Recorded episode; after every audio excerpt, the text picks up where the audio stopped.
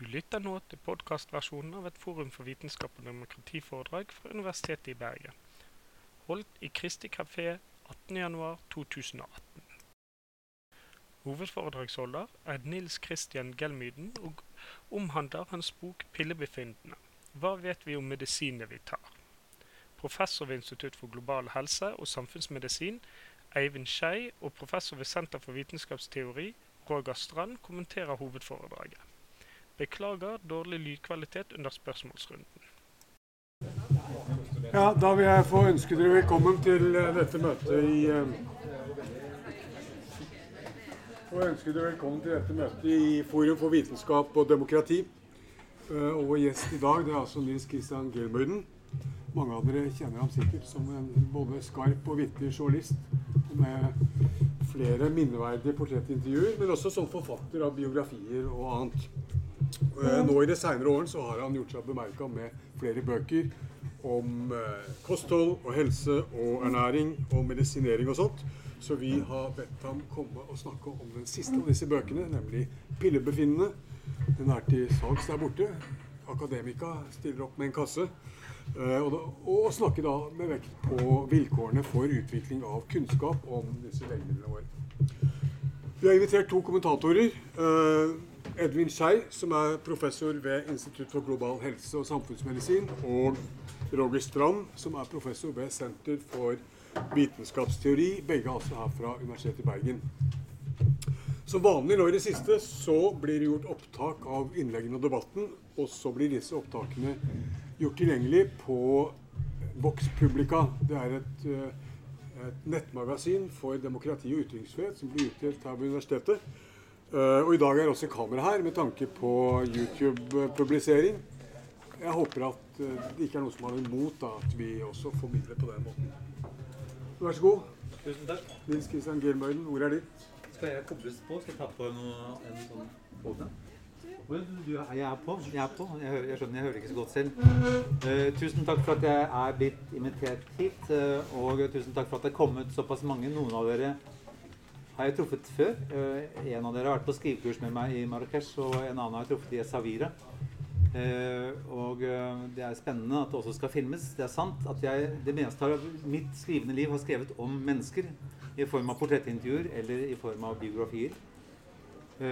Og så har jeg nå skrevet fire faktabøker om mat og drikke, og den siste om legemidler. Jeg, siden jeg er mann og, og dum, mannedum, naiv, så ble jeg ikke interessert i eh, mitt eget drivstoff før jeg ble alvorlig syk. Sånn er det mange mennesker som har det. Eh, Jeg ble alvorlig syk. Jeg fikk en nyre av min kone i mm, april 2009. Og kan for så vidt med større rett enn eh, Sinatra synge den sangen som heter 'I've Got You Under My Skin'. Uh, og jeg ble heller ikke interessert i medisiner før jeg gikk på mm, sykehusapoteket på Rikshospitalet og fikk utlevert en hel søppelsekk full av medisiner og kom sånn ut av apoteket. Og siden har jeg hatt en ganske full dosett med ni piller i døgnet, altså syv om morgenen og to om kvelden. Eh, Jeg måtte få en full dosett for å bli interessert i legemidler. Eh, Det er sånn med mange av oss. Vi blir ikke interessert i hva vi spiser og drikker før vi blir syke. Og vi blir ikke interessert i piller før vi får dosetten fylt. Um, Så jeg syns av den grunn at det har vært meningsfullt å skrive om dette, som jeg da um, først i moden alder ble interessert i på den måten. Jeg syns for så vidt også, da jeg fikk livet i gave av min kone, at det kunne være verdt et forsøk å se om den, de ferdighetene jeg hadde utviklet i dette med å skrive, om de kunne brukes til noe annet enn å eh, egentlig gjøre narr av enda et maktmenneske. Jeg har jo ofte gjort narr av mennesker. Eller jeg har levendegjort dem på papir, og ikke alle har verdsatt det, men mange har verdsatt det heldigvis. Men jeg hadde iallfall lyst til å se om jeg kunne bruke de ferdighetene til noe annet. Og det er det jeg har gjort i de fire faktabøkene. Og jeg tror nok det skal bare bli fire, iallfall i denne runde, for det er en påkjenning å skrive det.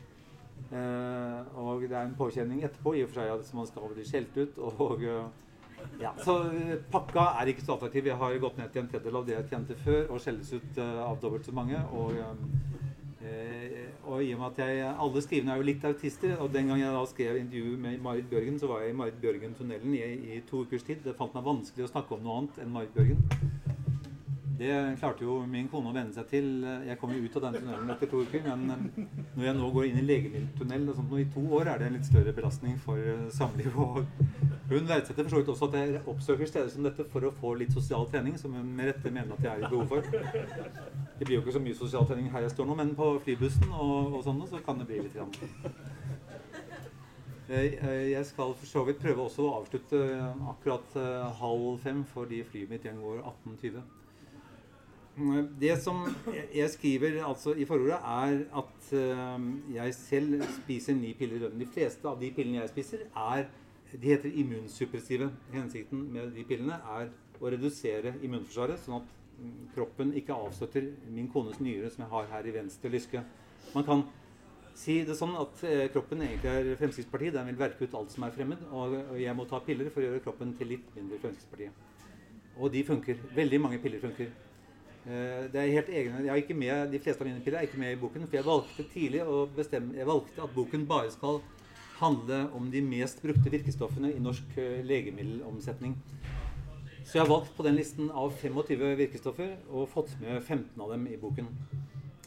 Eh, jeg prøver å fororde å bygge en bro til de tidligere bøkene mine. Bl.a. ved å fortelle historien om Hippokrates, som skal ha tygget på bark og eller blader fra piletrær og merket at han fikk mindre vondt uh, av å gjøre det. Han merket uh, at det virket smertestillende. Uh, man, han visste ikke da, men man vet senere at det var salicylsyre som virket smertestillende.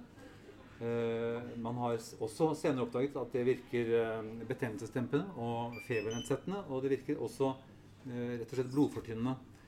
I syntetisert form så heter det stoffet som planter, alle planter, eller veldig mange planter, i tillegg til pill, utvikler det for å beskytte seg i syntetisert pilleform så heter det acetylsalicylsyre. Og er eh, fortsatt i Norge det nest mest brukte virkestoffet av alle. Hovedsakelig fordi det er uh, komponenten i albyl E uh, som veldig mange, særlig eldre mennesker, bruker blodfortynnende. Det var også veldig mye brukt i Norge mm, som Dispril og uh, som Globoid inntil de ble fastet pga. alvorlige bivirkninger. Ehm, men det jeg bygger bro til bøkene ved hjelp av i, i forordet, er å vise til en engelsk studie som konstaterte at det er seks ganger mer salicylsyre i økologiske grønnsakssupper enn i konvensjonelle supper. Det overrasket det britiske mattilsynet, og det overrasket, overrasket forskerne. Det franske, franske mattilsynet gjorde et tilsvarende funn i 2009. Så, og så skriver jeg også, uh, og det er viktig å påpeke, at dette er ikke en bok som forsvarer alternativ medisin. Jeg uh, forsøkte da jeg var alvorlig nyresyk, og legen sa at det ikke fantes noe annet enn transplantasjon, så er jo de fleste mennesker villige til å prøve andre løsninger. Så jeg prøvde akumentur, jeg prøvde også homopati, jeg prøvde en iransk diett. Ingenting av det virket i det hele tatt. Man måler jo nyrefusjonen veldig nøyaktig på et muskelavfallsstoff som heter kreatinin og det forble uendret, eller det økte. Så på meg hadde det ingen virkning. Det gir meg ikke rett til å si at ikke det ikke virker på noen andre, men for meg hadde alternativ medisin ingen uh, verdi. Uh, og jeg skriver også i forordet at legemidler har reddet livet til millioner av mennesker. Ikke minst antibiotika. Har nok har helt alene reddet livet til millioner av mennesker. Det er for øvrig ett av de mange mm, epokehjørne legemidlene som er eh, oppfunnet helt uten medvirkning av legemiddelindustrien. Altså Alexander Flemming var ikke ansatt i noe legemiddelfirma. Det er interessant hvor mange eh, vesentlige eh, legemidler som er oppfunnet uten hjelp fra industriens side. Eh, boken, eh, bokens første kapittel, som jeg vel skal snakke mest om her i dag, det jeg tror det er forskningen som det er ønske om å ha størst oppmerksomhet rundt. Eh, de fleste andre bøker som er skrevet om dette, handler jo bare om forskningen. Den første boken jeg leste, eh, var skrevet av Ben Goldacre, som er en britisk lege og eh, forsker og en såkalt, såkalt publiseringstilhenger. Han forteller i sin bok, som er oversatt på norsk, og som het 'Bitterpiller'. det var den første legemiddelboken jeg leste av mange. Og jeg har med ett eksempel fra hans bok som forteller litt om situasjonen han fastslår som de fleste andre det er på en måte enighet om at halvparten av alle forsøk og studier som gjøres på legemidler, ikke blir publisert. Det er eh, alvorlig. Vi, mange av dere er jo såpass gamle at de har kastet på stikka og kastet kron og mynt etterpå. Og når man kaster kron og mynt, så får man eh, hvis man, gjør det 100 ganger, så får man mynt og kron halvparten av gangene. Men hvis du tar bort halvparten av de gangene du har kastet, så kan du danne inntrykk av at mynten, at pengestykket bare har mynt eller kron. Så alvorlig er det. Uh, og det opplevde Ben Goldbecker. Han skriver om at han fikk i sin tid som lege så fikk han en pasient um, som var deprimert, og som ikke hadde noen virkning av um, sin, um, sitt antidepressive, sitt SSRI-middel som heter serotonin reopptakshemmer. Det er veldig vans mange vanskelige ord i boken. Men pasienten um, forble like deprimert, så da tenkte um, Goldecker som lege flest at han skulle prøve en annen um, tilsvarende eller lignende medisin. Leger eh, tenker veldig sjelden på at de skal foreslå kostholdsendring. Eh, de tenker sjelden på at de skal foreslå terapi. Og de tenker sjelden på å foreslå trening og fysisk aktivitet, selv om alle de formene eh, i studier viser å gi bedre og mer varig effekt enn antidepressiva. Leger tenker på, på, piller mm, som løsning. De lærer lite om ernæring. Jeg tok drosje med sjefen for Mattilsynet. Harald Jein ble jo egentlig kjent med ham i ni debatter. Forrige gang vi møttes i Vitenskapsakademiets debatt, så gratulerte jeg meg med ny genser. Så mange ganger vi møtte hverandre, men iallfall. Eh, vi tok drosje fra TV 2 til Dagsnytt 18. Og da mm, sa Harald Ein i det lyskrysset ved Turlinløkken at eh, det er merkelig å tenke på hvor, hvor lite leger lærer om ernæring i Norge og i andre land. Han sa selv jeg, sa han, som er veterinær, eh, lærer mer om ernæring, vet jo mer om ernæring enn norske leger. Jeg tror nok at Mattilsynets leder berørte et veldig alvorlig punkt der. Men eh, Goldecker tenkte iallfall ikke på å eh, anbefale plantekost til denne deprimerte pasienten. Han tenkte at han kanskje skulle skrive ut Reboxetin istedenfor. Og han gjorde det man kan forvente at en lege gjør. Han undersøkte at dette er et godkjent legemiddel. Det var godkjent av legemiddelmyndighetene i England. Eh, det brukes av millioner av mennesker, fant han ut. Det er lages av verdens største produsent, som heter Pfizer. Og så undersøkte han de tre eh, kravene man har til legemidler. Det er tre hovedkrav til legemidler. Det ene er at det er bedre enn placebo. Bedre enn sukkerpiller, juksemedisin, ingenting. Narremedisin. Det er et grunnkrav. Det må være bedre enn juksepiller. Det andre kravet er at det må være um, like bra eller bedre enn andre foreliggende midler. Og det tredje kravet er at bivirkningene skal iallfall ikke være mer omfattende enn for andre foreliggende midler. Han gikk inn på sin maskin Goldecker, og fant ut jo, det var en studie som viste at det var bedre. Eh, Reboxetin er bedre enn eh, placebo. Eh, han undersøkte også det andre. Eh, det var eh, ikke noe dårligere, eh, sto det, i de tre studiene som var gjort, enn andre antidepressive medikamenter. Og han undersøkte bivirkningene og fant ut at det var håndterbart og ikke mm, verre enn med andre apparater. Så han skriver ut Reboxetin til sin pasient. Og så går det mm, ti-tolv uh, år før tyske forskere um, klarer å finne frem til alle de studier som er gjort på reboxetin, men som aldri ble publisert. Og da blir åpenbart Goldecker og en del andre uh, forbanna, for da finner de ut at når det gjelder dette med placebo, så var det gjort en liten studie som viste at det var bedre, men det var gjort seks andre som omfattet ti ganger så mange mennesker, som alle viste at det ikke var bedre enn placebo. De var ikke publisert. Og så var det gjort samme mønsteret var det når man sammenlignet med andre foreliggende midler. Så fant han ut at uh, det var uh, gjort tre studier, uh, tre ganske små studier, men det var gjort studier som omfattet tre ganger så mange mennesker, som aldri var publisert, og som alle konstaterte at det var dårligere enn for andre alternative preparater. Og det samme mønsteret var det dessverre med bivirkninger. Det var større og mer varige virkninger. Flere trakk seg fra forsøkene. Eh, så det kom eh, dårligere ut enn de andre. Det Goldecker oppdager at han har gjort, er jo at han har skrevet ut et middel eh, til sin deprimerte pasient som er dårligere enn placebo, som er direkte skadelig. Og det er også et middel som har vært forbudt i USA av den grunn siden 2001. I Norge er det fortsatt et av de mest brukte antidepressive virkstoffene. Eh, jeg, jeg, sier den historien, den historien fortalte iallfall meg da jeg lærte den eh, om den avmakten som eh, leger står overfor når informasjonen, når forskningen er håndplukket. Det, det, tragiske med at det er blitt sånn, består i at det hovedsakelig er industrien som finansierer forskningen. Og myndighetene i de fleste land foretrekker at industrien bekoster forskningen fordi den er dyr. Den er ikke så dyr som industrien påstår. De har vel eh, beregnet et snitt på 800 millioner dollar per uh, virkestoff. Eh, sannheten mener eh, uavhengige forskere at er kanskje nærmere 100 millioner dollar. Eh, i alle fall er, Det er dyrt, og politikere i alle land foretrekker å bruke de pengene på skoler og barnehager og kulturhus og universiteter. Det er forståelig. Men det medfører at hvis dere er forskere, dere som sitter her, og jeg er Glaxo Smith Klein, så må dere spørre meg om lov til å publisere studien. Det er, til, det er, en av grunnene til at halvparten av studiene aldri blir publisert. Det finnes andre grunner òg. Det finnes mislykkede studier, det finnes mislykkede forsøk, det finnes andre grunner. Men det at halvparten ikke blir publisert, er et grunnproblem.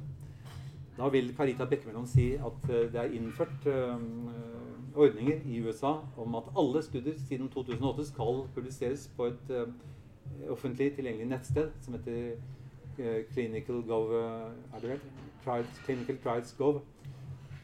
Eh, det er i alle fall, det lyder jo veldig fint, men det er ikke så mange sanksjoner. Det håndheves ikke så godt. Eh, det er gjort studier mm, som jeg har med i boken, som viser at eh, bare to, mellom 13 og 22% av studiene publiseres på det nettstedet innen de lovpålagte månedene. Eh, så det blir på en måte ikke sanksjonert i tilstrekkelig grad. Eh, man um, introduserte en dagsbot på 10 000 dollar, men eh, det rammer ikke så stygt. Det gjør det for så vidt heller ikke med andre bøter. Det er altså den mest bøtelagte industri og næring i verden. Legemiddelindustrien er blitt mm, de siste 25 årene ilagt 35,7 milliarder dollar i bøter. GlaxoSmithKlines satte rekord med 18 milliarder norske kroner. Det skulle man jo tro var ruinerende, men, men, det tilsvarte faktisk bare omsetningen i tre uker for GlaxoSmithKline.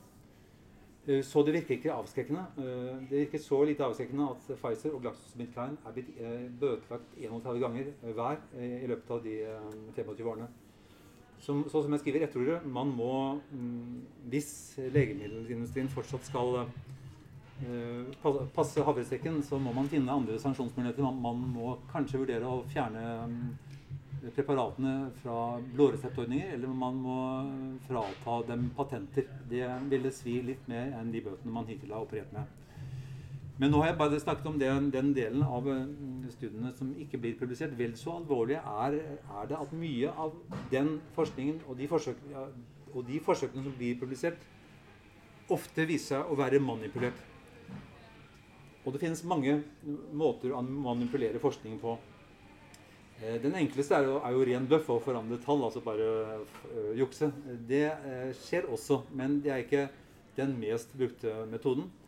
En mye mer anvendt metode er jo f.eks. å teste ut virkestoffene på mennesker og aldersgrupper som ikke kommer til å bruke de midlene. De fleste medisiner i verden brukes av eldre mennesker over 65. Uh, F.eks. Uh, smertestillende preparater av den gruppen som heter COX-2-hemmere, som Ibux uh, er, en, er, en, del av. En, nei, jeg mener faktisk NSAID-midler. Iallfall er det særlig revmatikere, giktpasienter, som er hovedbrukere av mange av de midlene. Men når man undersøker hvem disse midlene er testet ut på i forsøk, så er de hovedsakelig testet ut på unge mennesker. Eh, bare 2% av forsøkene omfatter mennesker over 65. Og når man tester ut eh, midlene på unge, friske mennesker, så får man helt andre eh, resultater enn man ville fått hvis man testet ut på de menneskene som faktisk skal bruke medisinene. Så det er en utbredt eh, og alvorlig feilkilde. En annen utbredt feilkilde er jo at man har, kan gjenta forsøket eh, inntil man får det resultatet man ønsker. Det er, noe, det er, ikke noen begrensning på hvor mange ganger man kan gjenta et forsøk, så man kan gjenta det til man får det resultatet man ønsker. Man kan sammenligne sitt virkestoff med de virkestoffene som man på en måte antar eller vet med sikkerhet at er de dårligste man kan sammenligne seg med. Man kan også måle noe annet enn det pasienten ønsker å oppnå.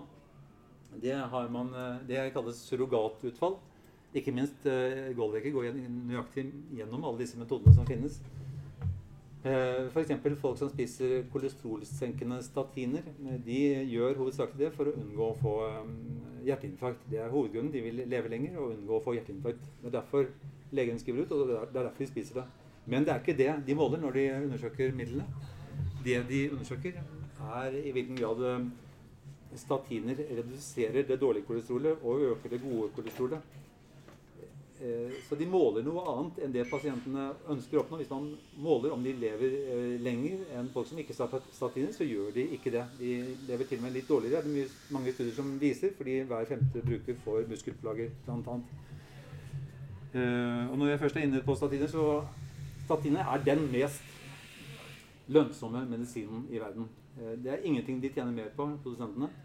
Eh, den brukes ofte som eksempel av de som gjennomgår forskningen, fordi man finner veldig mye av jukset og mye av manipulasjonen på nettopp statiner. Og det mest brukte omsatte virkestoffet i Norge heter atorvastatin.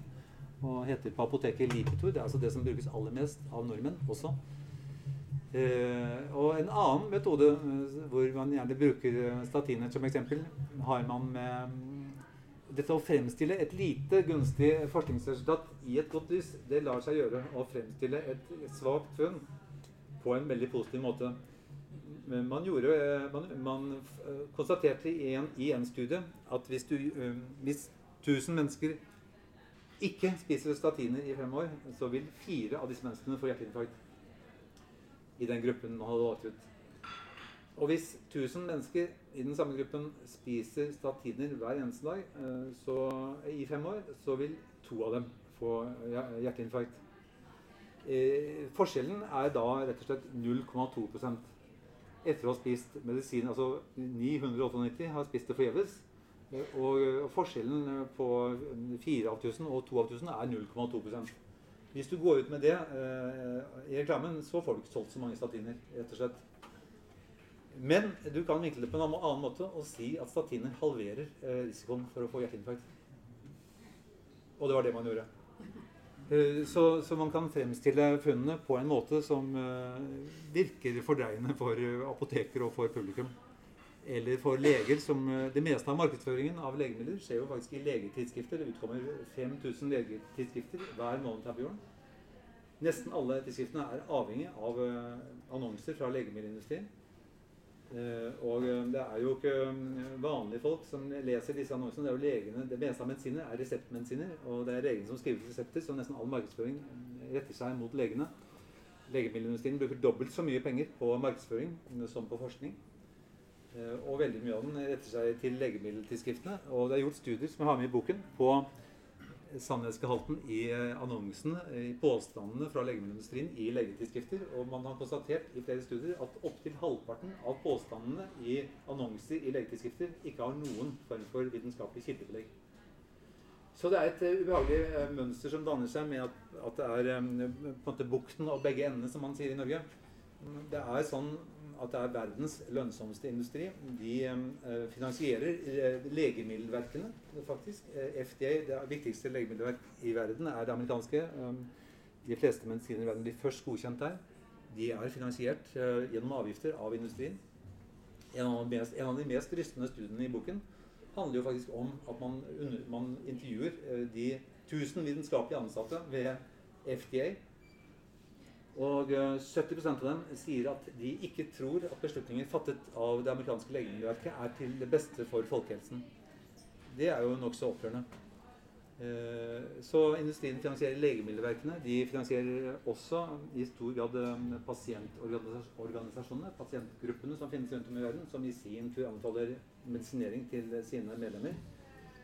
De finansierer eh, legetidsskriftene uh, gjennom annonsering. De finansierer legekongressene. De finansierer i mange land uh, videreutdannelsen til leger. Og kanskje aller mest ubehagelig så infiltrerer de de rådgivende utvalgene som anbefaler hva folk skal hva, hva man Diagnoseskjemaer, f.eks. det som kalles DSM på psykiatriens område. Eh, der har veldig mange av deltakerne eh, som former eh, diagnoseskjemaene, har veldig mange bindinger til legemiddelindustrien, dessverre. Så det er mønsteret. Når det gjelder dette med å holde og ikke publisere forskning, så er det ett eksempel som brukes av mange som skriver om dette. Og jeg har det vel så vidt med i min bok òg. Jeg gjør meg jo ferdig med denne biten i, før jeg går inn på de konkrete virkestoffgruppene, men iallfall det, var det i sin tid på begynnelsen av 80-tallet et uh, virkestoff som het lorgainid. Det var ment å skulle motvirke hjerterytmeforstyrrelser hos mennesker. Og man hadde et lite forsøk uh, som det besto av 100 uh, mennesker. Man delte opp i to. 50, rundt 50 fikk ikke lorkanid, og de andre fikk lorkanid. I den gruppen som fikk lorkanid, så døde 9 av 50, eller 49. Og i den andre døde én. Så det var et, eh, egentlig et dramatisk utslag, men i en så liten gruppe så lar det seg forklare ved tilfeldigheter. Det kan være tilfeldigheter som ligger til grunn. Eh, det viste seg at denne studien aldri ble publisert. Eh, produsenten skrinla planene om å lage legemiddel ut av det, dessuten. Så det var enda mindre grunn til å publisere. Eh, det er jo alvorlig for de ni som muligens kan ha dødd av legemiddelet og satt sitt liv um, Altså det å delta er over 200 000 bare i USA som deltar i legemiddelforsøk som aldri blir publisert. Og en del får jo varig men, noen uh, har dødelig utgang. Så det er én innvending. Men uh, den enda større innvendingen er jo at det gikk ti år etter at denne lille studien um, ikke ble publisert, til et nytt firma uh, laget um, Altså markedsførte og fikk solgt og godkjent et virkestoff som lignet svært mye på lurkanid. lurkainid. Og det kan konstateres at som følge av at den lille studien aldri ble eh, publisert, så døde det altså mer enn 100 000 mennesker kan ha mistet livet som følge av at den lille studien ikke ble kjent. En annen, et annet kjent eksempel, og den største legemiddelskandalen, iallfall formelt kjente legemiddelskandalen i vårt årtusen, knytter seg til et eh, middel som het uh, Vioxx, som Merck fikk eh, godkjent eh, i 1999. Eh, Da mm, skjønte man eh, etter fem år det ble forbudt, trukket tilbake. eh, Det amerikanske legemiddelverket konstaterte i 2004 at, det hadde, at eh, 55 000, minst 55 000 amerikanere hadde mistet livet av Vioxx ved at hjertet stoppet. Eh, Noen anslag sier at det er så mye som en halv million mennesker som mistet livet bare i USA. De er nok overdrevet, men iallfall mange tusen mennesker i, har mistet livet pga. Viox før det ble forbudt. Det var en COX-2-hemmer, et smertestillende middel som særlig revmatikere brukte. Eh, Men man vet i ettertid at Merck kjente til denne følgen på forhånd. Og det er jo ubehagelig. Merck visste om den risikoøkningen dette utgjorde for hjertene til brukerne før middelet ble godkjent.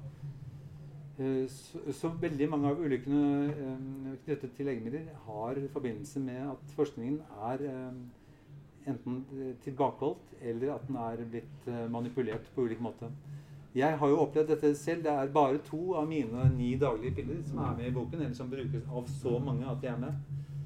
Eh, og en av dem eh, brukte jeg helt siden 2006. Jeg hadde en sykdom som heter polycystisk nyresykdom. Det betyr at nyrene begynner å blåse ballonger av blod og eller vann. Det var for så vidt sånn jeg oppdaget det i 97 ved at jeg tisset rent blod. Så det hadde tre uker igjen, så jeg ble, ble nesten lettet da det var noe med nyrene mm, som ikke var kreft iallfall. Eh, men eh, det, du, nyrene blir store. Jeg fikk gravideplager. Og da må man jo, de, noen av dere har vært gravide. Da må man tisse ofte om natten, og så får man eh, sure oppstøt. Og jeg fikk til meg ødelagt kaffen mellom mavesekk og spiserør fordi jeg var i niende måned i flere år. da. Og begynte da med Nexium, en protonpumpehemmer som skulle motvirke syreplager i 2006. Jeg eh, skvatt jo vet jeg i 2010 så var jeg innom apoteket på sykehuset i Tønsberg og skulle få eh, ny dose. Og da sa apotekeren Han sa du vet vel at, man, at, denne, at Nexium øker eh, faren for kreft? Så sa jeg nei, det vet jeg ikke. Det er det ingen som har sagt. Jeg spurte overlegen i neste møte. Det hadde heller ikke han hørt. Jeg har jo tenkt etterpå at det er en, altså apotekere og leger har veldig ulik informasjon. Det virker på meg som om apotekere og farmasøyter er mye mer opptatt av legemidler enn leger.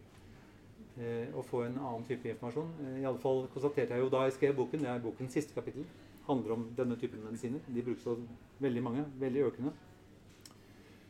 Og eh, eh, jeg finner jo da ut, når jeg skriver boken, at dette legemiddelet, eh, det første av dem het Omeplazol. og ble eh, godkjent eh, av AstraZeneca. Mm, Jeg tror det var tidlig på 90-tallet. Iallfall finner jeg ut at det ble aldri godkjent for bruk i mer enn fire uker. Og det er jo ubehagelig å oppdage når du har gått på det i ti år selv, hver eneste dag. Eh, og grunnen til at det ble bare godkjent for fire uker, var jo at veldig mange av gnagerne som man testet, som man testet ut omeprazol på i 80-årene, fikk kreft, ulike former for kreft. Eh, derfor tok det ti år før AstraZeneca fikk godkjent eh, den første protonpumpemmeren. Eh, og det finnes en professor Valdum i Norge som har skrevet om dette i Tidsskrift for Norsk Legeforening i mange år, også på 90-tallet, forgjeves. Eh, som har påpekt Og eh, forskerne til AstraZeneca mente at bare, dette var en kreftform som bare gnagere og mus og rotter altså kunne pådra seg, at ikke den, kunne, at ikke gjaldt for mennesker. de vant med et hårstrå liksom, gehør for det. Men uh, man ser jo at spiserørskreft er den kreftformen som øker aller raskest i USA, hvor forbruket av disse midlene også øker aller raskest i verden. Uh, selv sluttet jeg med det i vinter med Nexium, fordi jeg fikk jernmangelindusert anemi, eller jeg nevnte meg ni i blodprosent. Og da er man ikke noe særlig pigg. Uh, og jeg hadde jo skrevet om dette, så jeg visste at magesyren vi har, den har jo, den har jo vesentlige roller for kroppene våre. Magesyren skal være førstelinjeforsvaret mot alt som er av basillusker, som, altså eh, bakterier som skal angripe mage-tarmsystemet, skal knekkes av magesyren. Det er en av de viktige funksjonene magesyre har. Den andre viktige funksjonen som magesyre har, er å distribuere mm, mineraler og vitaminer eh, til altså næringsstoffer til kroppen. Eh, og det var det som skjedde. Dette er et veldig, Til forskjell fra en del andre medisiner så er denne typen protonpumphemmere veldig effektive. De kan redusere syreproduksjonen med opptil 90% Så du er kvitt syreplagen. De virker på den måten. Men når du får redusert syreproduksjonen med 90% så avtar opptaket av mineraler og vitaminer uh, med ganske alvorlige følger. Uh, jeg slapp for så vidt bildet som fikk uh, anemi, jeg, men mange får jo benskjørhet bl.a. Det er veldig mange plager folk får som følge av at mineralopptaket reduseres kraftig. Og det hjelper altså ikke å spise jernpiller som jeg gjorde, eller spise tomatsuppe fra jerngryte. Ingenting hjelper når du ikke har syre nok til å få jernet videre. Eh, så jeg eh, bråsluttet. Eh, først bråsluttet jeg, det var vondt. Og så tok jeg sånn annen gang Jeg gikk over til forgjengeren, som heter Gruppen heter H2-blokker. Det er mye svakere. Kommer bedre ut på de fleste resultater. Det viser at mellom 70 og 90% av de som bruker protonpumphemmere, ville bli like godt hjulpet av forgjengeren uten de samme virkningene. Så jeg gikk over til en forgjenger som uh, helt lykkelig Jeg tok en som heter Santac. Og så måtte jeg ta annenhver dag lenge før jeg kunne gå over til bare Santac. Og da var blodprosenten rett opp til 14 igjen.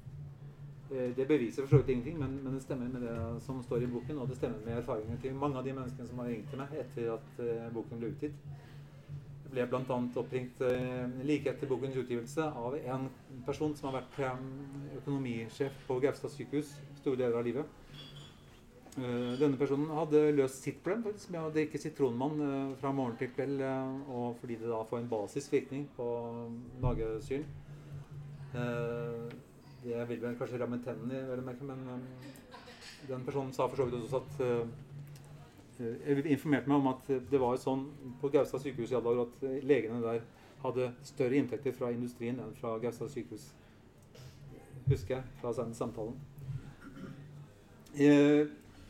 Sånn at eh, det er eh, eh, et ubehagelig mønster, og det gjelder i hele boken. Og jeg har noen steder i boken har jeg klart å følge historien til legemidlene. F.eks. har jo nesten alle hørt om den første såkalte lykkepillen, Prozac. Det virkestoffet mm, heter egentlig fluoxetin og ble oppfunnet allerede i 1972. Og man øhm, prøvde det først ut som et blodtrykksmiddel. Det er merkelig hvor mye man har prøvd. Ofte prøver man ut virkestoffene sine som blodtrykksmiddel først. Og det virket hos noen dyr, men hos mennesker virket det ikke blodtrykksreduserende. Og så prøvde man det ut som slankepille. Det virket ikke som slankepille. Og så tok man eh, og prøvde ut eh, på tunge psykoser. Da ble noen bedre, men de fleste ble vesentlig verre.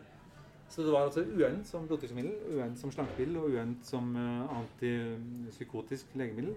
Og til slutt prøvde man ut på fem mennesker med lett depresjon. Og alle ble i litt bedre humør. Det er um, historien om opprinnelsen til første, den første antidepressive medikamentet. Man selv Steinar Madsen i Legemiddelverket erkjenner at man ikke aner hva som skjer i hjernen. Man vet ikke om serotonin har noe med humøret å gjøre. Man vet ikke om serotoninet går opp eller ned heller. Uh, men uh, man har valgt å gå for det. og Eh, man har for så vidt konstatert at halvparten av brukerne får ødelagt sitt seksualliv. De mister potensen eller de mister sin lyst. Så å kalle det lykkepiller kan være litt misvisende. Og så har man etter hvert, etter 20 års kamp, så har det endelig kommet i pakningsvedlegget at der står det nå at på disse midlene, SSRI-midlene, så står det at 1% av brukerne blir voldelige og eller hallusinerende. Og 1% høres jo veldig lite ut, eh, men i og med at over 100 millioner mennesker bruker disse midlene, så betyr det at eh, over 1 million mennesker blir voldelige og eller hallusinerende av den medisinen de har fått av legen fordi de er lei seg. Eh, så man ser det mønsteret Jeg nevner det helt så vidt. Jeg er for ikke noe vitenskapelig bevis, men man vet jo nå at eh, så å si alle skolemassakrer som er gjennomført i USA, er utført av unge mennesker som har fått uh, SSRI-midler av legen kort tid før massakren. Man vet for så vidt også at den piloten i German Wings som styrtet 150 mennesker i et fly over Alpene, for et par år siden at han hadde fått uh, disse midlene utskrevet av sin lege ni dager før ulykken. Uh, så, så, man vet uh, en del. Det man også vet, i januar i fjor, altså et år siden nøyaktig, så ble det presentert en stor dansk metaanalyse av uavhengige forsøk med SSRI-midler, hvor man konstaterte at de ikke har vesentlig bedre virkning på, på depresjon enn placebo. Og da er det jo veldig alvorlig når uh, medisinen har såpass uh, sterke bivirkninger. Jeg ble for så litt personlig berørt. Det kan jeg kanskje ikke si siden det er YouTube, så det lar jeg være å si. ja, nei, jeg ropper å si det. Uh, men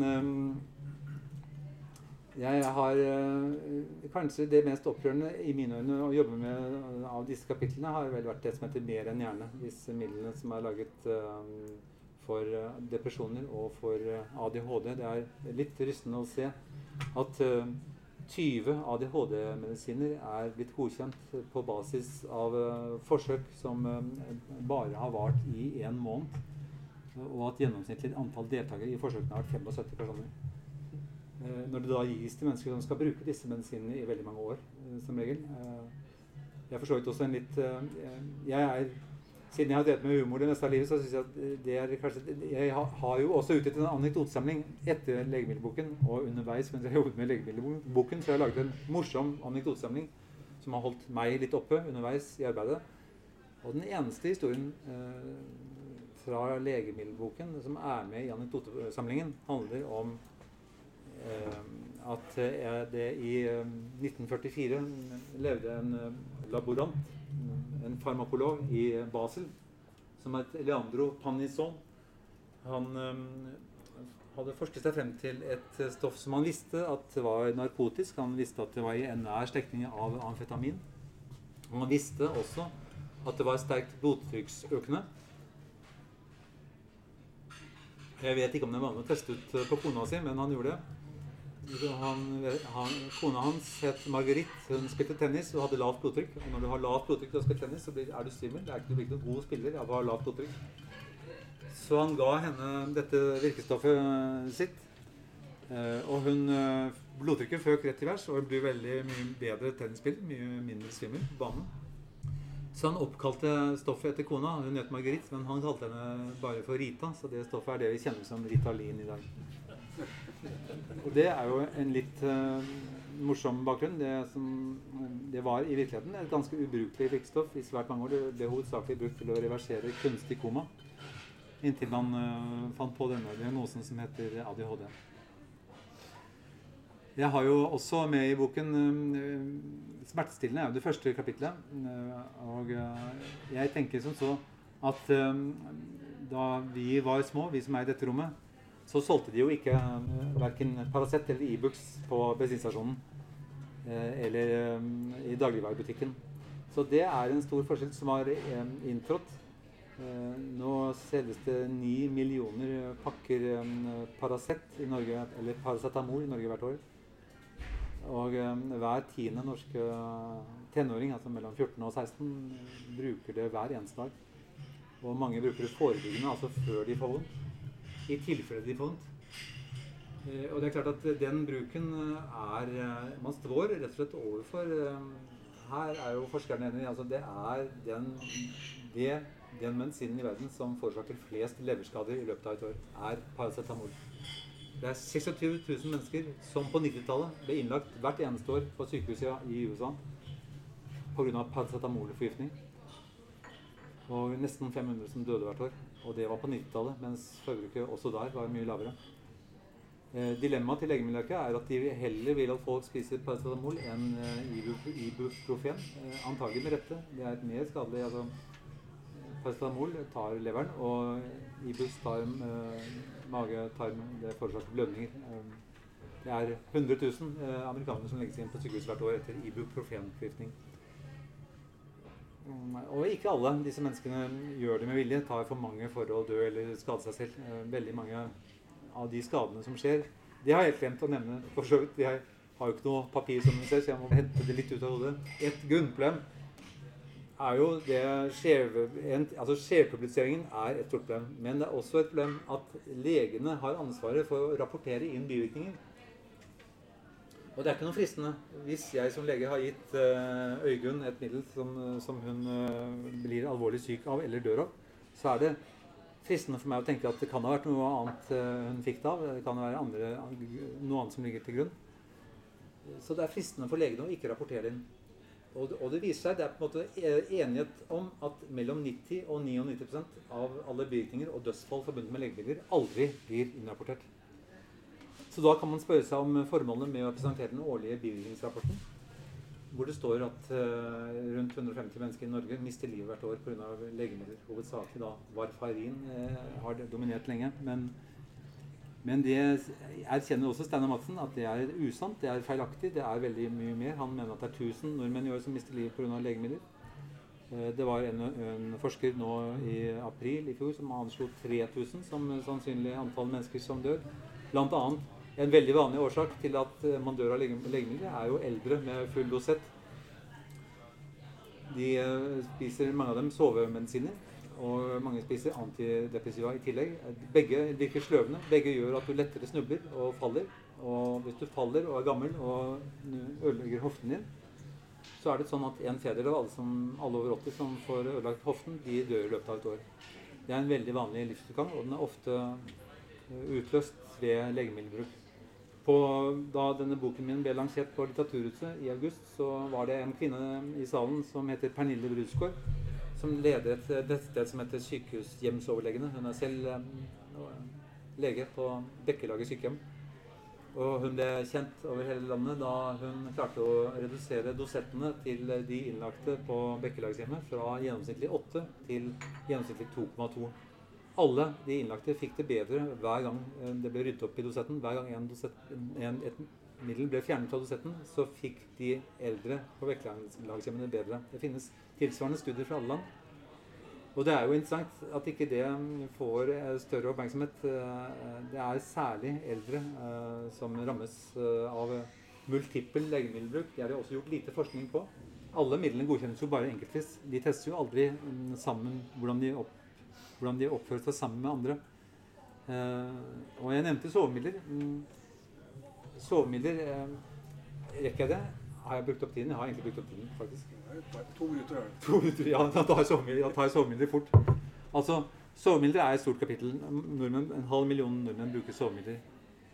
Eh, jeg har med to eh, uavhengige store metaanalyser som konstaterer at sovemidler eh, gir mellom 17 og 22 minutter mer søvn alt i alt. Hvis du tar med forkortet innsovningsfase og forlenget søvnfase, det er det hele. Du får mellom 17 og 22 minutter i snitt. Eh, De minuttene eh, og alle de andre minuttene hele natten er Du får ikke, eh, du får ikke dybdesøvn. Du får ikke det som kalles REM-søvn. Rapid Eye Movement-søvn. Du får ikke den søvnen du blir uthvilt av. Du får noe som ligner på den søvnen. Det virker som du sover, men du får ikke den søvnen du blir uthvilt av. Så du våkner ikke uthvilt. Du våkner med metallsmak i munnen. Du, har du tatt den klokken ti om kvelden eh, dagen før i Movanen din, så tilsvarer det én i promille klokken åtte om morgenen når du skal på jobb. Så veldig mange av trafikkulykkene eh, i Norge og i verden skyldes folk som har tatt sovemedisiner klokken ti om kvelden dagen før. Du, de mister sin virkning etter to-tre ukers bruk.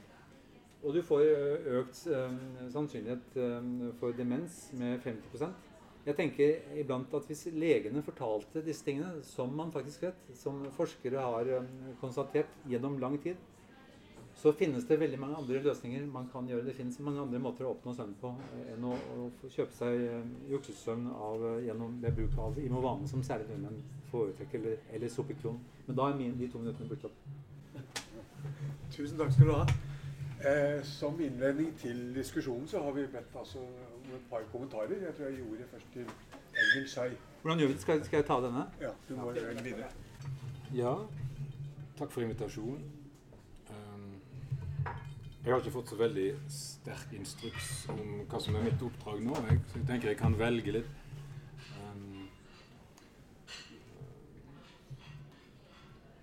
Jeg tenker det, Noen er kanskje nysgjerrig på hva jeg som representant for legene eh, vil komme tilbake med, da, kanskje, når du sier alle disse tingene. Um, eh, jeg tenker også på noe annet som jeg har lyst til å Ikke utfordre deg, for jeg kommer ikke til å utfordre deg. Vel. Jeg kan røpe med en gang. Jeg er eh, grovt sett helt enig i det som en må konkludere når en leser den boken. Eh, jeg kan også røpe at jeg har visst Jeg har trodd at det var omtrent sånn som dette i minst 20 år.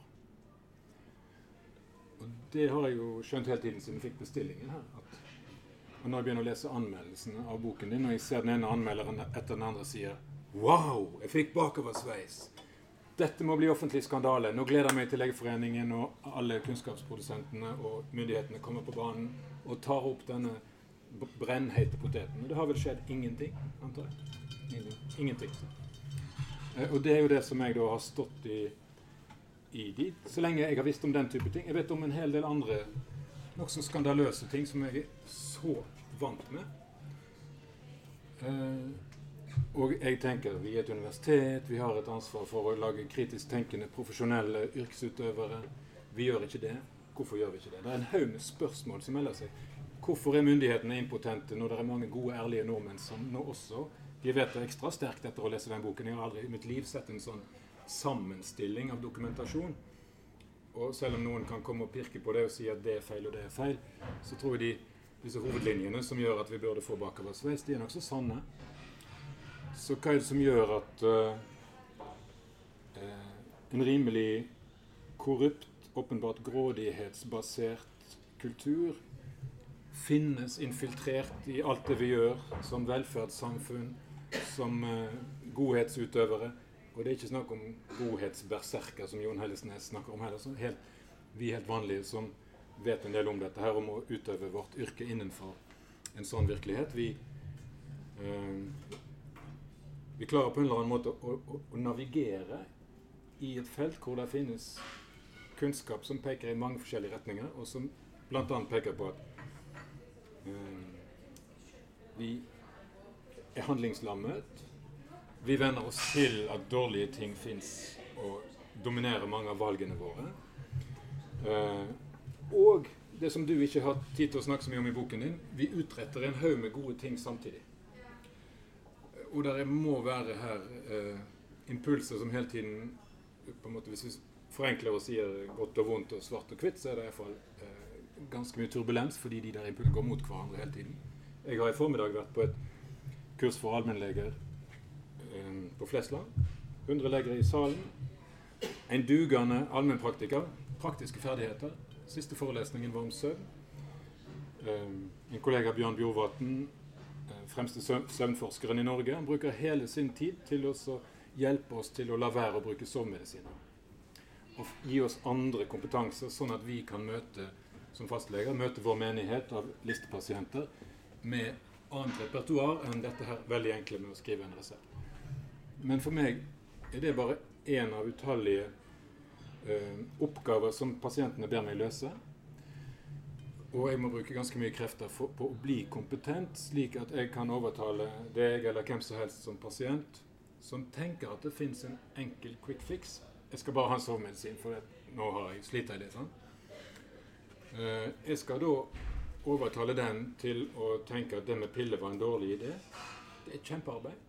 Og så skal jeg utvikle meg sjøl en kompetanse som er å hjelpe han til å gjøre kognitiv atferdsterapi for å få tilbake søvnmønsteret sitt. Og da må han, istedenfor å ligge i sengen og vri seg tre timer om natten, så må han stå opp etter maksimum 15 minutter, tasse rundt i stuen til han blir trøtt, legge seg igjen og gjøre dette hver natt til denne der kroppen blir medgjørlig.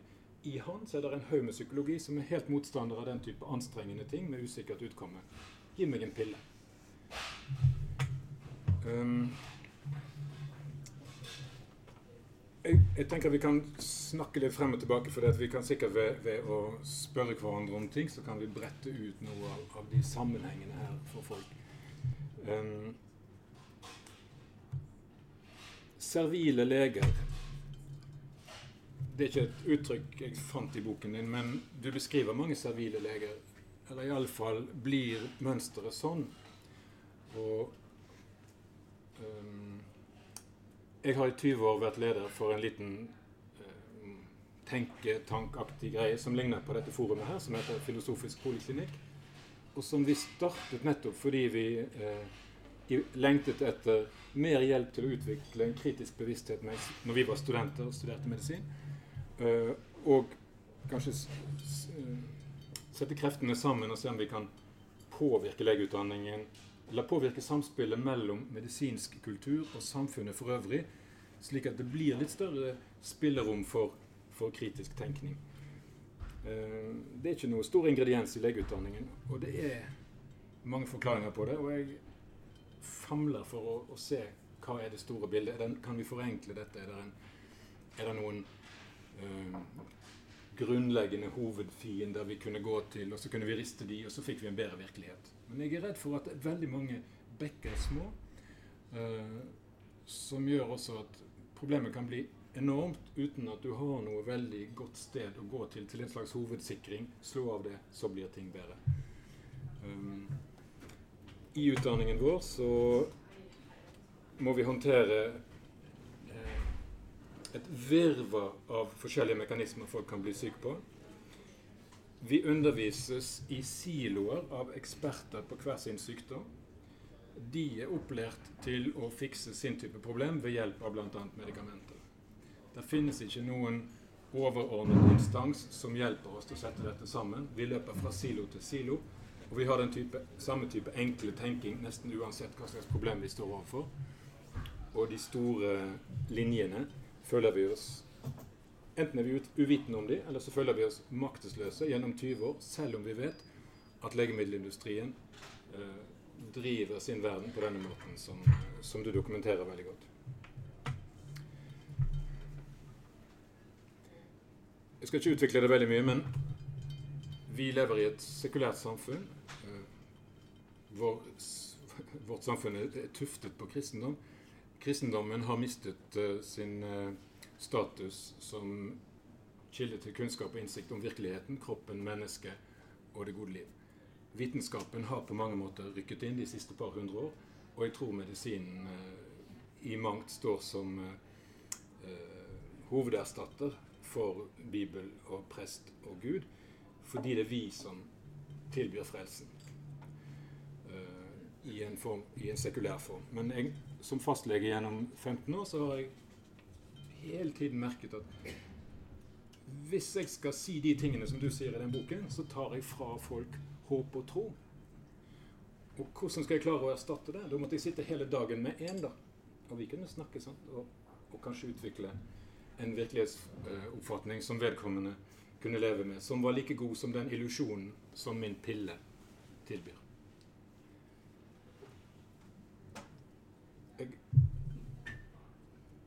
Jeg, jeg, ønsker meg egentlig noen spørsmål og noe mer dialog med deg. fordi dette går i alle retninger, og det er på en måte nokså sentralt i min langvarige interesse for å skape en bedre legeutdanning og bedre medisinsk kultur. Jeg kan si deg tittelen på min første offentlige publikasjon, 1991. Den heter 'Medisin og hjernevask'. Hvordan legers virkelighetsoppfatning formes slik at den blir til skade for dem selv og deres pasienter. Så du braser inn åpne dører i dette tilfellet. Så skal jeg reise meg. Jeg, jeg syns det var veldig fine refleksjoner. Jeg har jo tenkt mange av de samme tankene. Jeg tenker at vi tror ikke lenger på Gud, mm, eller i avtagende grad. Og vi tror mer og mer, av den grunn kanskje, på legen og på vitenskapen. Og det er en tro vi ønsker å beholde og holde fast ved. Det er ekkelt å ikke kunne stole på legen. Det er ekkelt å ikke stole på politiet og på øvrigheten eller på Mattilsynet. Det er bedre nesten å dø et par år før og heller tro, heller tro på rett og slett jeg har jo tenkt at det er veldig delt ansvar. At um, industrien mm, de vil jo si ja, vi lager det, men det er ikke vi som skriver det ut. Det sier de. Det er, det er ikke vi som skriver det ut. Det har de rett i. Det er jo legene som skriver det ut. Og legene sier ja, det er vi som skriver det ut, men det er ikke vi som godkjenner det. Det er jo, det er jo legemiddelverkene som godkjenner det. Og Legemiddelverkene sier med rette jo ja, vi godkjenner det, men det er jo publikum som forlanger en quick fix. De virker, det er publikum, det er pasientene, vil jo heller ta en pille enn å spise planter, enn å trene, enn å ta seg sammen, enn å forandre seg selv. De vil ikke forandre seg selv, sånn at de får sove eller får ned blodtrykket. Eh, man kan gjøre veldig mange grep. Det er jo på blodtrykksområdet er det jo sånn at hvis du halverer saltinntaket, hvis du spiser planter istedenfor kjøtt, hvis du trener eh, en times tid eller en halvtime daglig, så vil det ha bedre effekt enn veldig mange av blodtrykksmidlene. De virker ikke så, Det beste blodtrykksmedisinen kan redusere overtrykket med ni. Det er ikke all verdens. Det er tiazidene som har rekorden. Det er de eldste og billigste. Masse bivirkninger. Alle blodtrykksmedisiner har masse bivirkninger. Men folk vil heller det enn å forandre seg selv. Og, eh, og mediene bidrar jo heller ikke på noen måte. Mediene bærer i høy grad et ansvar også. Jeg syns det er rart. Jeg var i et selskap nå hvor eh, det var en som jobbet i Dagsrevyen. Og vedkommende sa at mm, vedkommende syntes det var eh, flott at jeg hadde fått såpass mye oppmerksomhet rundt en så smal bok. er det der det ligger? Er dette smalt? Folk tenker på det i mediene som en smal bok. Det syns jeg er rart. Jeg har lyst til at eh, Roger skal få tid til å komme frem og si noe, så kanskje vi kan snakke litt mer etterpå.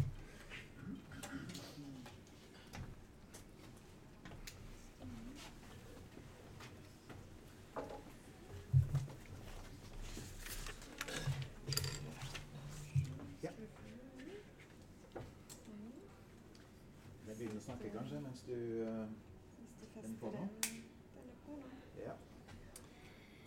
Uh, det, det, er virkelig utrolig lite feedback av den, ja, så nå vet jeg ikke om dere hører. Ja. Uh, så jeg heter Roger Strand og, og, og ble invitert til det her, så jeg er veldig glad for å være invitert til. Og, og glad for å ha fått lest boka di, som jeg ikke hadde lest fra før. Uh, og så ble jeg introdusert som professor ved Senter for vitenskapsteori, og det er jo korrekt. Men så da, sånn, for å være etterrettelig her nå da, og vise alle bindingene, så bør jeg også si at jeg er eh, assosiert med Senter for kreftbiomarkører, Center for Cancer Biomarkers, eh, som for så vidt også eh, har forskjellige former for finansiering, men hovedsakelig offentlig. Senter for digitalt liv. Så jeg er på en måte Ja, da vet dere det. Men jeg er ikke betalt av, av industri, for så vidt. Uh, og så er jeg, bare for å gjøre det enda verre, uh, i samme medlem av den tenketanken ledet av Øyvind Skei, som heter Filosofisk poliklinikk.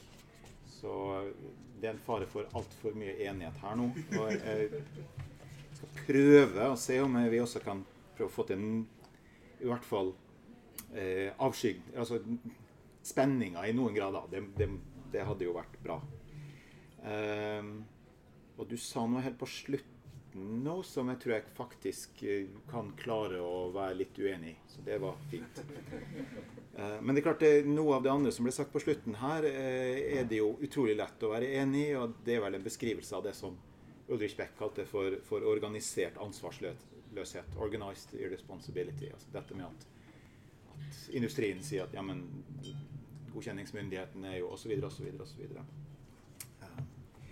Det første jeg ville si, er at det er veldig fortjenstfullt at du har tatt deg tid til å skrive denne boka også. Det er helt klart. Og den er jo et vell av informasjon og, og, og fakta også. Så, og, og, det vil jeg si dels for å, å, gi ros til forfatteren, og dels for å komme med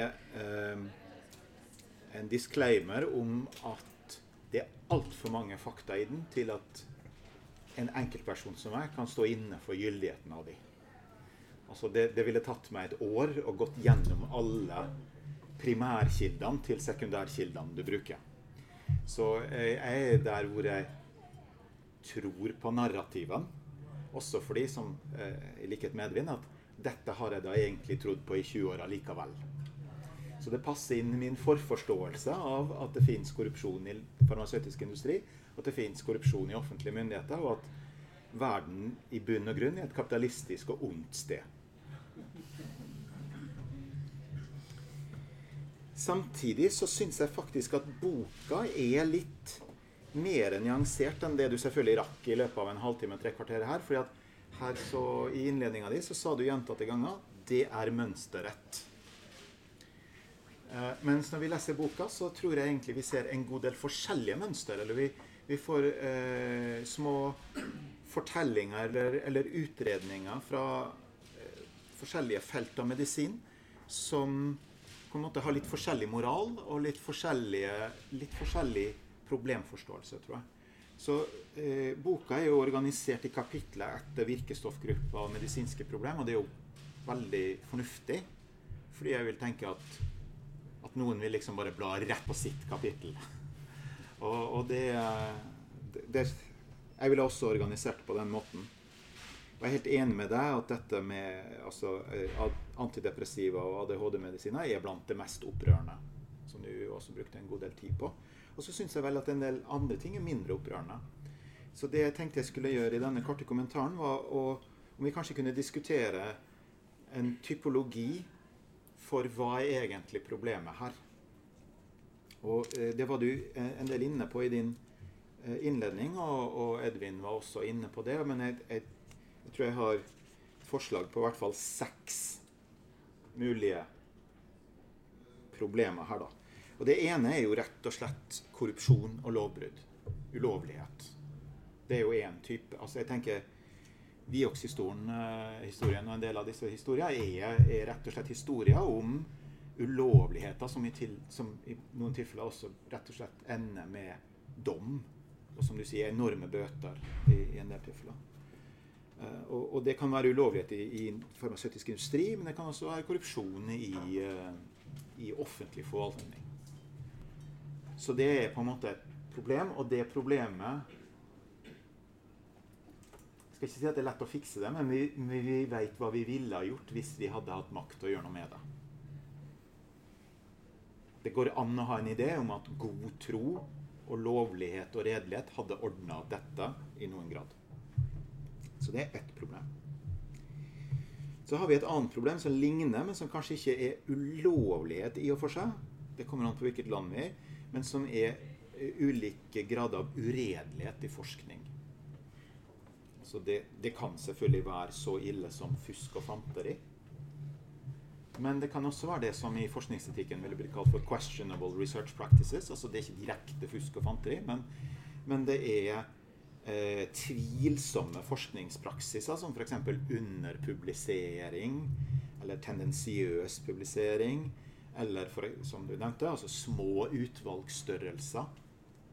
Eh, og på en måte uh, kombinert med dette skal for p-hacking og så alle, alle, disse tingene man kan gjøre statistisk for å fiske i data og for å til slutt få et eller annet som er statistisk signifikant. Uh, og igjen så tenker jeg at dette er en situasjon hvor vi ideelt sett veit hva vi kunne ha gjort. Vi kunne hatt mer redelighet i denne forskninga.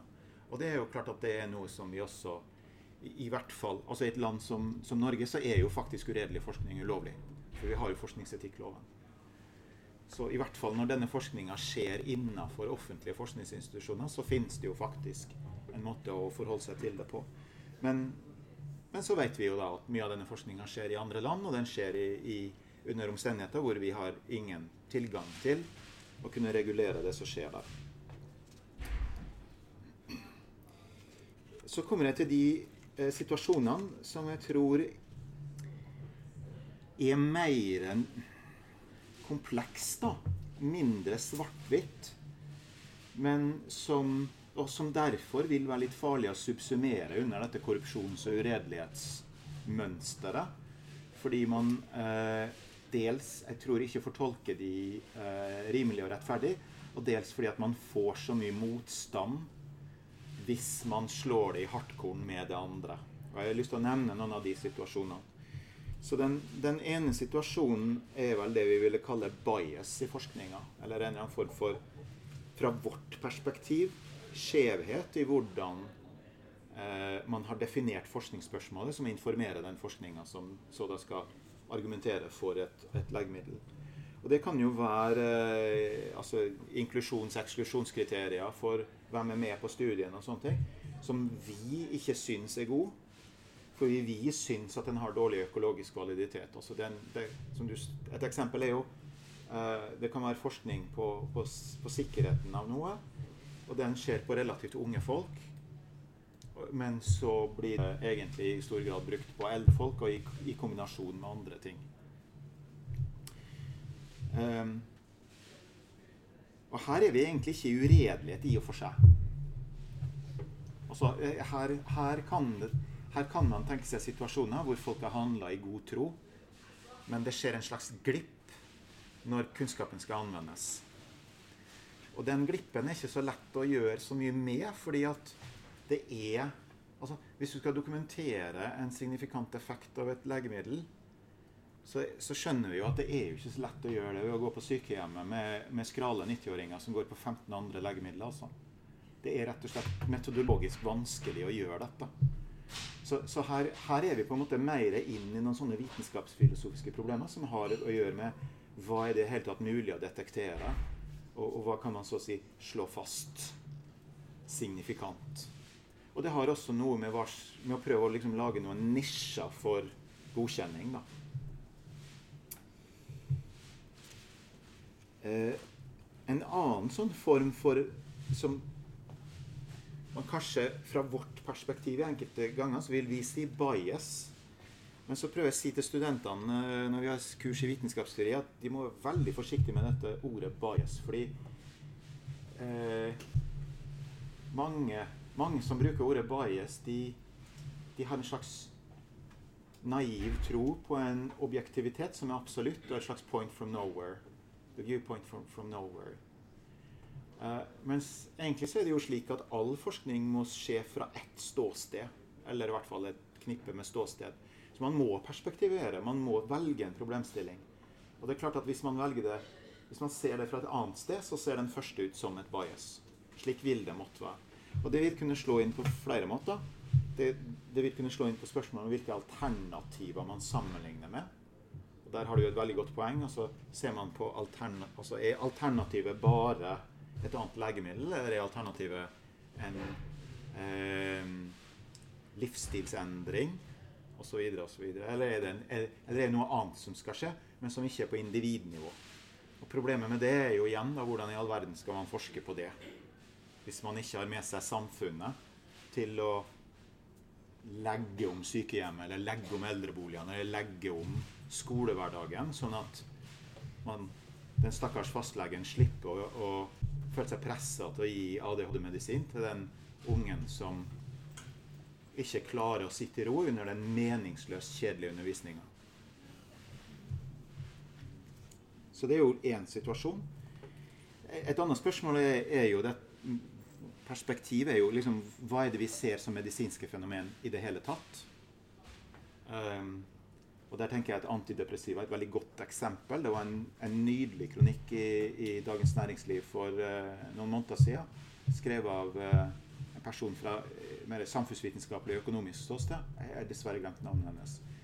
Men hun sa at um, nå når altså 17-18-åringer som blir mobba og ikke har venner, som blir sosialt isolert, de ender fort opp i en karriere som depresjonspasienter, heller enn at vi ser dette som et sosialt problem. Og et problem som kanskje må løses utafor personen sjøl, men i nærområdet for personen. Så det er jo også en sånn forskningsbaie, som vi vil, men det er i hvert fall et, det er et valg vi tar.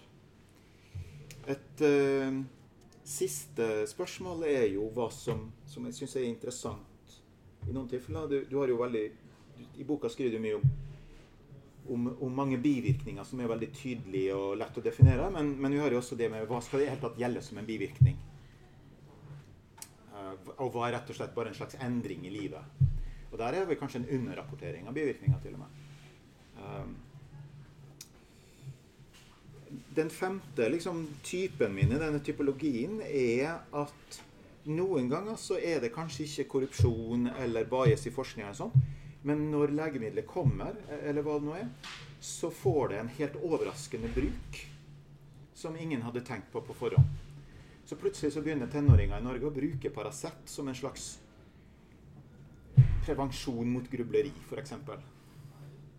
Og det er jo ikke indikasjon for legemiddelet i det hele tatt, og hvem, hvem kunne ha gjetta det? Og så har vi jo Ja, du skriver også litt om Viagra og sånn, men uh, det, uh, det kan vi heller tenke på, hva slags forbausende bruk vi kan ha Viagra som Det. det siste som jeg ville nevne, det er at Um, kanskje noen ganger, og, og, og, det var jo Edvin en del inne på, så, så er kanskje situasjonen verken korrupsjon eller at det er noe galt med forskning, eller sånt, men det er noe galt med forventninger om en quick fix. Så, at, eh, så hvis vi går tilbake Hva er egentlig legemidler? Altså, hva, hva er, hvorfor tror vi at de skal virke? Ja, Noen ganger så tror vi at det virker fordi det er en sykdom som har en sånn utrolig enkel årsak, og så skal liksom legemiddelet ta den årsaken. Men de fleste lidelser her i verden er jo annerledes enn det. Altså, infeksjonssykdomsparadigmet er jo et sånt paradigme at ja, det er veldig enkelt. Sånn. Så Du bare dreper parasitten, så er du ferdig med det. Et annet sånt paradigme går jo tilbake til Claude Bernard og den klassiske fysiologien på 1860-tallet, hvor han sier at at sykdom er et resultat av en ulikevekt i organismen. Og da trenger vi en toksisk substans for å gjenopprette likevekten. Men Bernard er jo veldig klar over at den er altså toksisk. Det er jo hele poenget. Den naturlige tilstanden her da er plutselig en ulikevekt, og vi må tilføre noe gift for å prøve å balansere dette.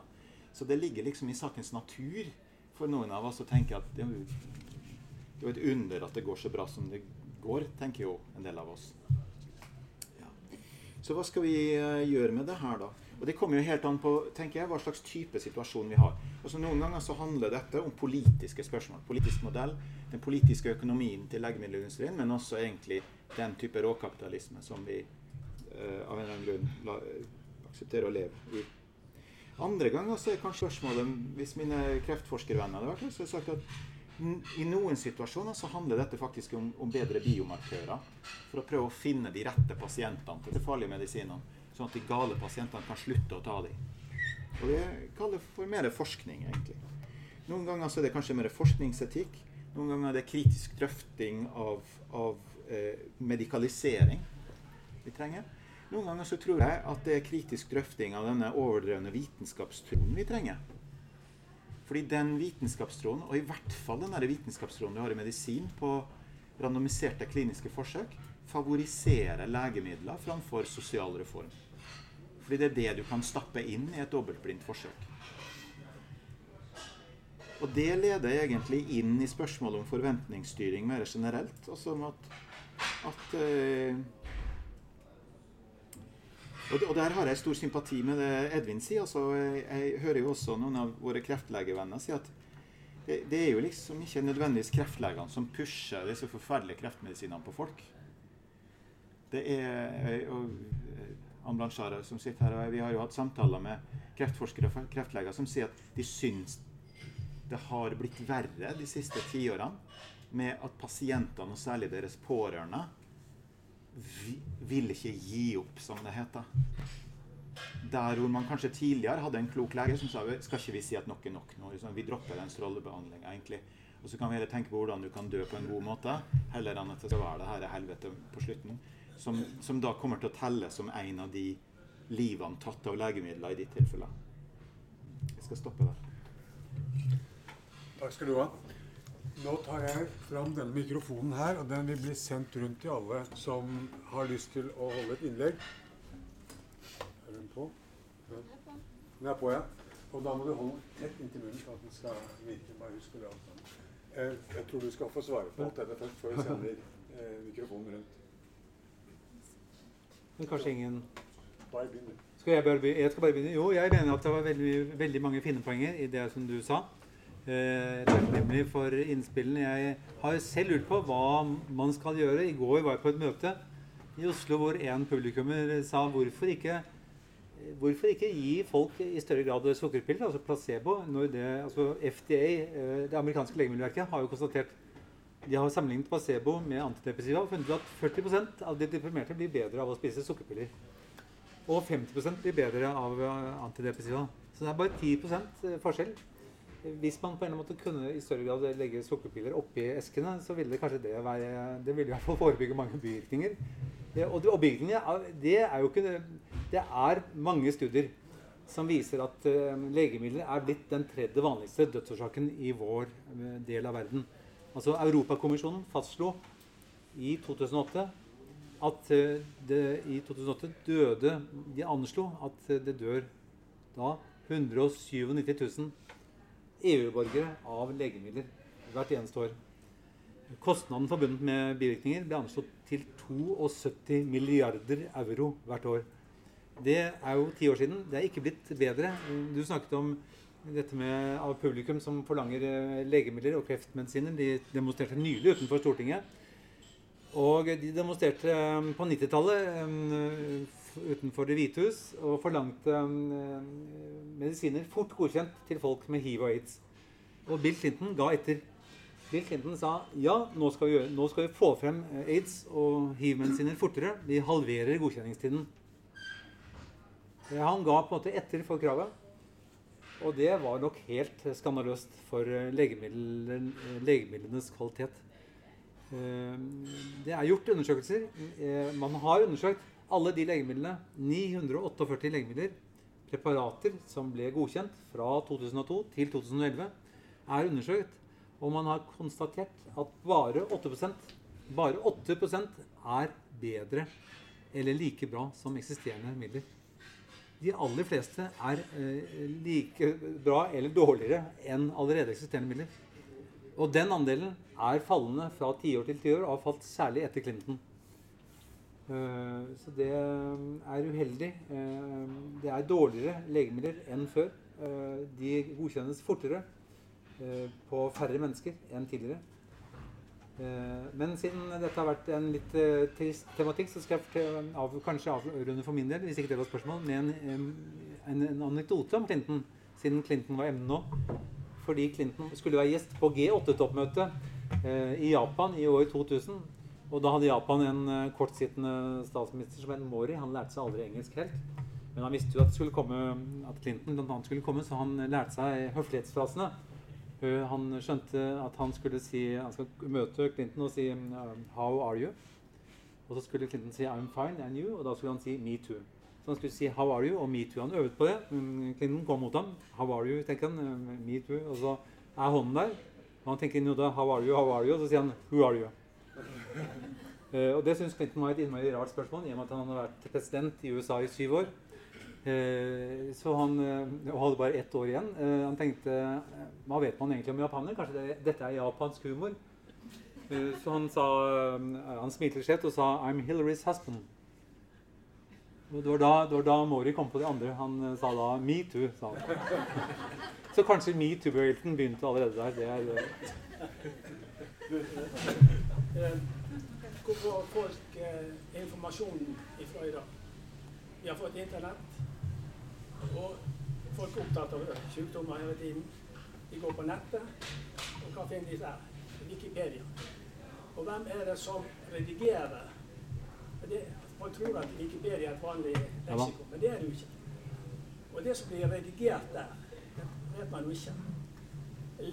Hvor mye ligger legemiddelindustrien inne og, og dirigerer Wikipedia? Det vet jeg ikke. Jeg har jo for så vidt selv vært rammet av Wikipedia. For det har stått på Wikipedia i mange år at jeg er en, eh, på en måte en upålitelig slask. At alt er tilbakevist. Det har stått en veldig uheldig om meg på Wikipedia. Og så tenkte jeg, også siden jeg heller ikke var oppdatert på fem år De siste bøkene mine var ikke med. Jeg, jeg prøvde å, altså En i forlaget gikk inn og forandret og fikk oppdatert falt bibliografien og fikk eh, beriktiget. Det er mange som mener at jeg tar feil, og en del mener at det er riktig. Altså, det, er, det er ikke så enkelt som det sto. Så det var en i forlaget som gikk inn og rettet opp sånn at det var riktigere.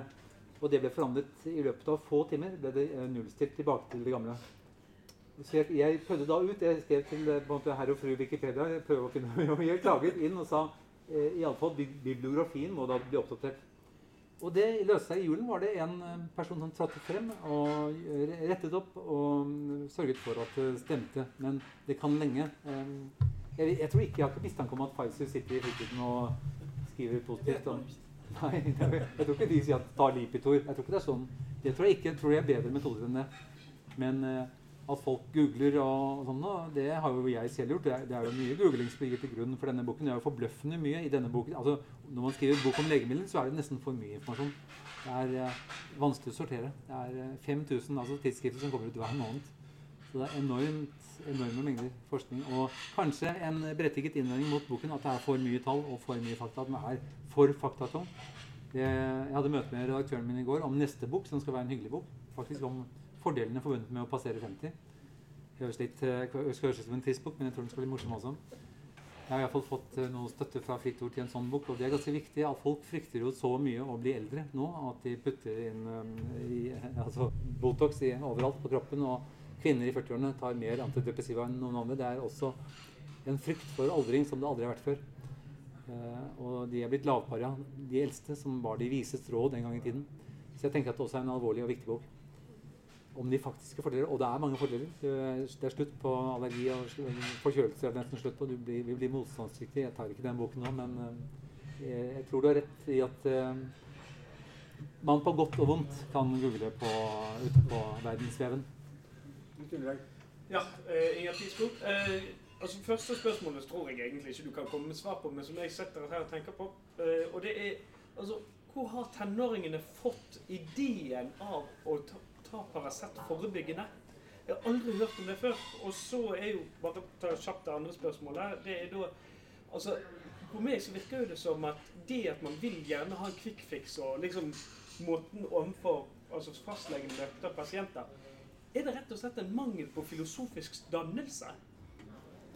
Jeg tror det er flere. Jeg jo, har hovedfag i statsvitenskap. Jeg tror ikke på énfaktorforklaring. Jeg tror det er flere grunner til at unge mennesker har dette forebyggende. Det finnes sikkert eh, mennesker på min alder som også starter forebyggende tilfeller i boen. Jeg tror eh, at eh, foreldre ofte er dårlige forbilder. Jeg tror det er et svært dårlig signal å selge Ibux og Paracet side om side med tyggis på bensinstasjonen og på Rema.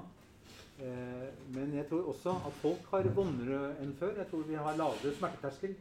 30 Vi er på smertetoppen i Europa. 30% av norske folk har vondt hele tiden, sier de. Så vi definerer vår, vår, følelse eh, som vondere enn før, og kanskje har vi det verre enn før. Eh, vi har det nok verre mentalt enn før, unge mennesker ikke minst. Så jeg tror summen av det, at vi ikke har det så greit, og at den ligger der ved siden av tyggisen, og at alle de andre bruker det Alminneliggjøringen av det I Sverige hadde man det i butikk fra 2009 og tok det bort i 2015 fordi forgiftningene økte med 40% Her har det mer enn doblet seg. Her har det vært siden 2003, og man har ikke vurdert å fjerne det. Tvert om så innførte man TV-reklame for det fra januar 2016. Så det er litt bedrøvelig at det er såpass mye som går feil vei. Men jeg er sikker på at det er mange grunner til at unge mennesker gjør det. Og jeg tror ofte foreldrene kan være dårlige forbilder òg. Se her, ta en Paracet. Ja. jo, det tror jeg. Edvin vil ha bare replikk akkurat dette. Jeg vil bare minne oss alle på at uh, den industrien, uh, som er verdens mest lønnsomme med så og så mange milliarder i året, de bruker dobbelt så mye på markedsføring som på forskning. Uh, og de har da anledning til å kjøpe de aller dyktigste menneskene på manipulering. Altså de beste psykologene, de beste pedagogene, beste filmskaperne, de beste på sosiale medier, de beste på å plante små atferder hos veldig sympatiske forbilder som går nokså underbevisst inn i oss som fornuftige, tiltalende, sexy måter å være på. Og overalt her så vet de nokså godt hva de gjør, mye bedre enn de fleste av oss andre. Ja, tusen takk til eh, deg for et fantastisk interessant innlegg. Også veldig gode kommentarer. Jeg synes det var veldig interessant å høre på alle sammen. Og så et spørsmål som går på det med forskning. Fordi at eh, det er jo ganske illevarslende at uh, veldig mange eldre mennesker går på medisiner som ikke er utforsket med, med tanke på dem. da. Altså, det er jo på en måte egentlig uh, en måte å, å gi dem uforsvarlig behandling på. tenker Altså, det bidrar jo ikke til at de får det de egentlig trenger. Så tenker jeg det du sa, Roger, om at det er vanskelig å forske på denne gruppen. Altså, Den forskningsetiske reguleringen, den rettslige reguleringen også, legger jo opp til at man skal kunne forske på, de, på ulike grupper. Eh, både barn og eldre er på en måte ansett som grupper som man trenger å forske på for at de skal få adekvat behandling. Så jeg syns det virker som om forskersamfunnet ikke har tatt det inn over seg at her er det muligheter for å forske, og regelverket er tilpasset det. Men altså, man har beveget seg bort fra dette voldsomt strenge kravet om informert samtykke, fordi man ser at det fører til at man ikke får eh, behandlingsformer som er tilpasset ulike grupper. Slik at, eh, og det er jo mange eldre mennesker som er på eldre med mildere grad av demens, som er fullt uh, kompetente til å delta i forsøk og samtykke. Så det er liksom litt sånn stereotypt at de ikke er i stand til å avgi, avgi gyldige samtykke til å delta i gode forsøk. Som bidrar til at vi får bedre behandling?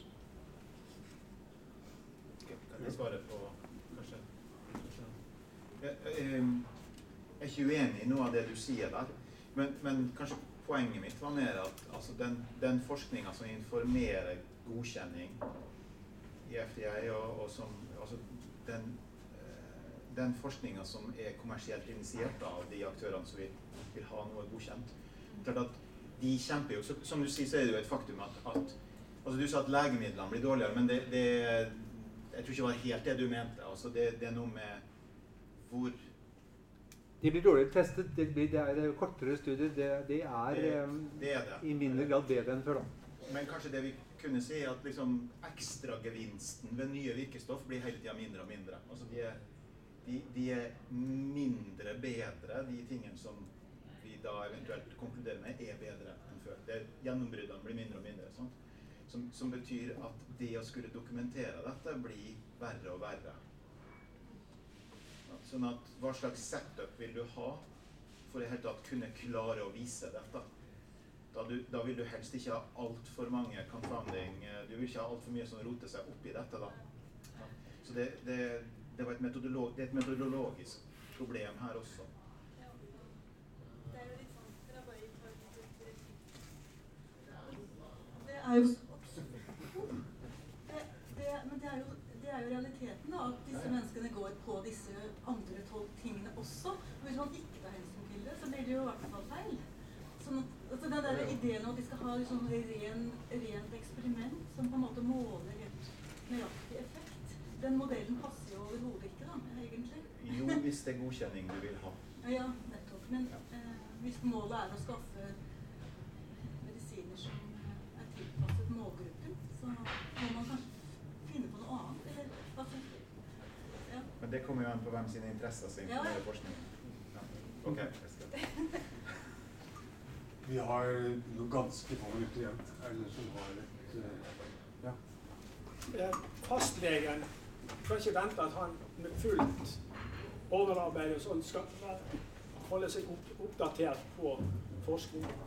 Han får sine direktiver fra Helserådet at eh, eh, din kolesterol skal være så høy. Hvis den er litt over eh, fem, så skal du ta eh, medikamenter. Jeg hørte et tilfelle en dame som hadde tatt eh, kolesterolsenkende middel Hun følte seg dårlig og, og hadde lyst til å slutte. Hva sier da fastlegen til henne? Nei, du må fortsette, for ellers får hvis du får hjerteinfarkt, så er det min skyld. Ja, det er fakt.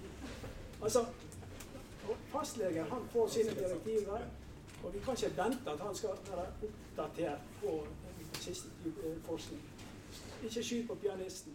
Altså, øh, det er eh, Du hadde en liste med grunnproblemer. Det er et grunnproblem at stadig flere friske mennesker spiser medisiner som de har flere ulemper enn fordeler av.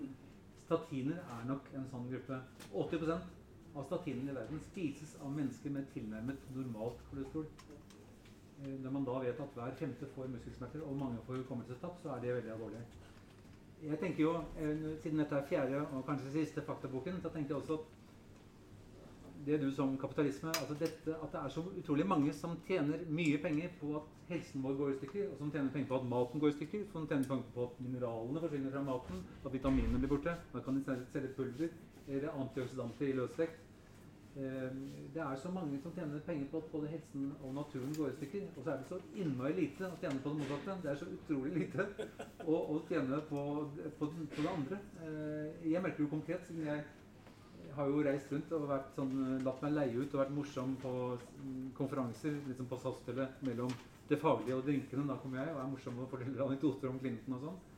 Da eh, bader jeg i tusenlapper. Men når jeg nå for første gang i livet har noe viktig å fortelle til folk, så skal jeg stort sett være fornøyd hvis jeg får tilbake pengene som Bastøfergen kostet. Det er også et bilde på, på hvorfor det går gæren vei. Det er ikke noe å hente på det. Det, å redde verden og helsen og sånn er ikke noe Jeg må jo slutte selv for ikke å gå til grunne, liksom. Det tenker jeg på. Så nå har jeg en barnediktsamling inne igjen. Jeg har lyst til å lage en ny barnediktsamling. Håper at jeg har fått til noe i likhet med veldig korte dikt som var med i den forrige barnediktsamlingen. Jeg kan jo avrunde med det. Det heter Ikea kunderadio. Det er et av de få diktene i samlingen som barn forstår umiddelbart. Det er bare på fire linjer. Ikea kunderadio.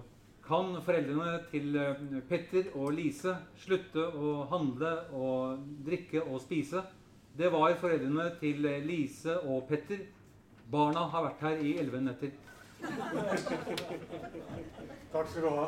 Eh, vår tid er vel egentlig ute. Eh, min konklusjon på alt dette her, eh, og med tanke på den organiserte uansvarligheten som vi snakket om, avmaktsfølelsen som alle sitter i, er at neste gang så bør du holde dette foredrag for et eller annet politisk parti. Altså Dette er et politisk problem. Iallfall når det kommer til de grunnleggende problemene som, som er alle sammen er enige om korrupsjon. Noe av det som slo meg aller mest, var at, at alle kommentarer til denne boken sier at dette er en sjokkerende bok, men vi visste det jo. Og, og, dette lever eh, ansvarlige, kompetente folk med i, i dette systemet. Eh, det er et politisk problem.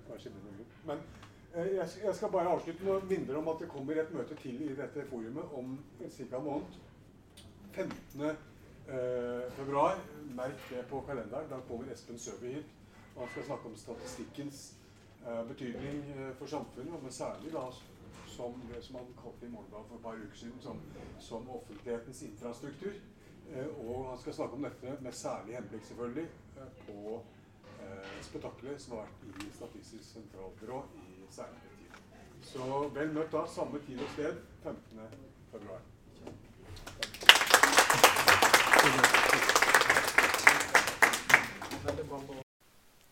Du har nå lyttet til podkastversjonen av et Forum for vitenskap og demokrati-foredrag. Møteleder var professor Anders Johansen. Ansvarlig for opptak og redigering er Ingjerd Pilskog, postdoktor ved Uni Research Klima og Bjerknessenteret.